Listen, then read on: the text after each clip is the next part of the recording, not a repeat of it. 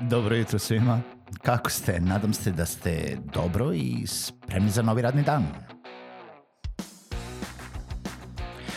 Pozdrav svima i dobrodošli na podcast Male pobede, stari novi podcast koji, well, koji je tu da bi vam kroz pitanje i savete dao motivaciju, pokrenuo vas u pozitivnom smeru i pomogao da ovaj dan počne bolje, jače i možda čak i zabavnije.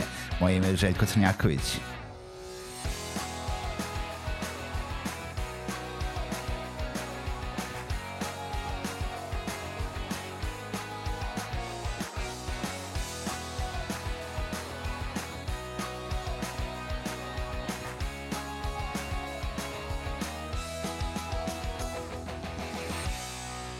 Pozdrav svima, dobro jutro i dobrodošli u novu epizodu podcasta Male pobede. Moje ime je Željko Crnjaković, kao što je uvod rekao.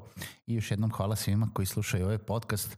Nemojte zaboraviti da ukoliko vam se sviđaju Male pobede, možete da se subscribe-ujete ili prijavite da primate redovne epizode na bilo kojoj podcast platformi koju slušate, putem koje slušate, da li je to Pocket Cast, Spotify, Google Podcast, iTunes, gde god nalazimo se svuda, a ukoliko imate neke predloge, pitanja ili komentare, slobodno mi ostavite na društvenim mrežama ili me kontaktirajte uh, putem maila malepobede.gmail.com i kažite mi šta biste volili da čujete, o čemu da pričamo i koje savete ili koje teme da istražimo. Uh, današnja tema jeste da li stvarno treba da radite preko vremena da biste ostvarili uspeh na poslu. Uh, I sad ću sam sebi da skočim jel da, usta, što bi amerikanci rekli, uh, i da kažem da sam mnogo pričao o tome kako uh, preduzetnici i činjenica jeste da preduzetnici mnogo rade, mnogo više nego 8 sati, da rade od ujutru do uveče, uh, da se radi vikendom,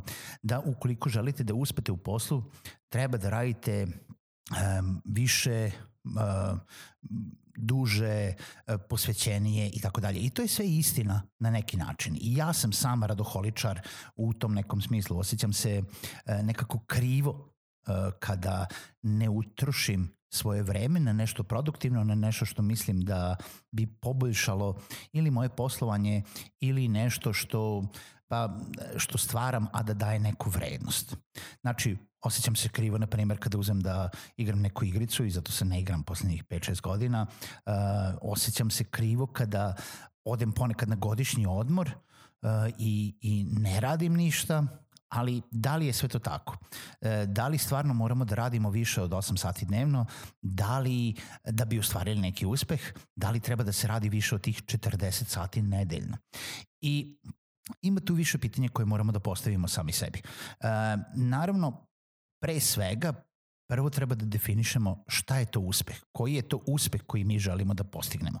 Da li je to više para, više klijenata, bolji projekti, e, završeni projekat, e, da li je to neki lični uspeh, da li, da li treba fizički nekako bolje da se osjećamo drugačije, da li treba da e, ne samo steknemo više para kao biznis u smislu profita, nego da li želimo da postignemo nešto drugo, da li želimo uh, da dostignemo broj, novi broj zaposlenih, uh, da firma raste, da li želimo da nešto materijalno, lično, da se uselimo u novu kuću, novi auto, novi telefon i tako dalje. I sve to na neki način legitimno. Nikom ne treba osporiti šta je za njega uspeh Nekome je uspeh samo da se osjeća da pravi razliku. Nekome je uspeh da uh, pomogne jednom klijentu, jel da, jednom po jednom klijentu, ne deset klijenata uz, od jednom, nego samo da napravi promenu u jednoj stvari. Nekome je uspeh da završi taj jedan projekat na kojem radi već mesec dana, dva meseca, tri godine, kako god. Nekome je uspeh samo da pokrene, da se osamostali, da um, jel da bude nezavistan. Uspeh da ostvarite nešto da bude sigurnost bolja e, i sigurna, to jest ne sigurnost nego budućnost, e, je diskutabilno zato što jel da nikad u preduzetništvu ne možete biti konstantno sigurni da ono što radite uh, će postići jel da taj uspeh onako u kontinuitetu i da ne morate više da brinete i da više nikada. Raditi duže i raditi prekovremeno u odnosu na to da se manje nerviramo nije povezano. Ne znači da ćete se manje nervirati ako radite duže. ne znači da ćete da nećete imati briga ako radite duže. Ne znači čak ni da ćete ostvariti taj uspeh ako radite duže. Druga stvar koju moramo da se zapitamo jeste da li mi stvarno efektivno radimo kada radimo duže i koliko zapravo efektivno radimo pod navodnicima. Mislim, godinama i e, o, mnogo vremena unazad svako ko vodi neki tim zaposlenih, ima svoju kompaniju i gleda na svoje zaposlene, e, bi voleo da oni rade duže, posvećenije, efektivnije šta više. Nije poenta u dužini nego u efektivnosti. I onda se postavlja pitanje da li stvarno može neko da bude efektivan čak i 8 sati. Neke studije pokazuju da je najduži period onako dubokog rada i to možete naći u knjizi Deep Work, uh, nekih šest sati uzastopno. Čak i šest sati je samo određeni postotak uh, stanovništva, jel da, uh, onih ljudi koji rade, a da velika većina spada u nekih efektivnih 4 do 5 sati rada, nakon čega se jednostavno mozak iscrpljuje, nakon nečega, nakon toga ne možete da budete toliko produktivni i toliko efektivno da radite. E sad, ukoliko vi uzmete i budete totalno iskreni sa sobom i analizirate vaše vreme i morate da proverite da li stvarno efektivno radite. Nebitno da li radite 4 sata, 5 sati, 6 sati, 8 sati, 10 sati, 12 sati ili duže, da li je to utrošeno efektivno u odnosu na to jel da, šta radite. Ili možda uh, vas uhvati neka prokrastinacija, zevate, gledate YouTube, proverate notifikacije, gledate Facebook, uzmete, uključite neku seriju dok, dok obavljate posao, uključite neku igricu, ustajete, izlazite na kafe, ne, nebitno, igrate stoni tenis, kako god da okrenemo, nekome je možda potrebno da radi duže da bi postigao tih nekih efektivnih 3, 4, 5, 6 sati. Sa, uh, to je takođe isto stvar koju morat, moramo da se zapitamo. Jer da li boravak na poslu obezbeđuje efektivnost.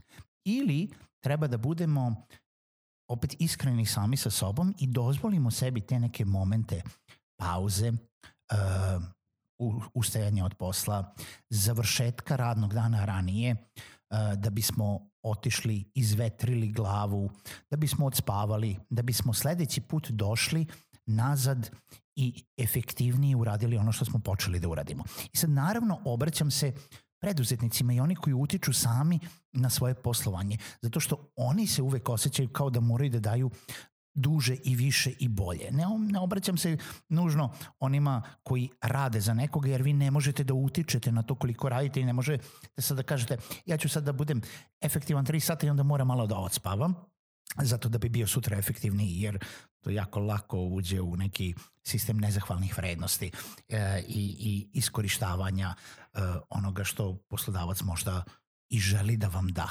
Kao tako. Ne, nego oni preduzetnici, oni koji sami utiču na svoje, oni koji se najviše jedu oko toga da li stvarno treba da radim više da bi postigao taj neki uspeh i da li stvarno treba da radite više. Naravno da postoje vremena kada treba da radimo više, kada uđemo u neki taj sprint mod zato da bi završili taj neki zadnji projekat, zato da bi uradili nešto što smo krenuli da radimo e, najbolje, najefektivnije u zadatom roku po, e, na zadovoljstvo klijenta i da bi lansirali neki novi proizvod, neku novu uslugu, da bi završili projekat, da bi uspešno ostvarili to nešto što smo sada zacetali. I ti periodi sprinteva su normalni.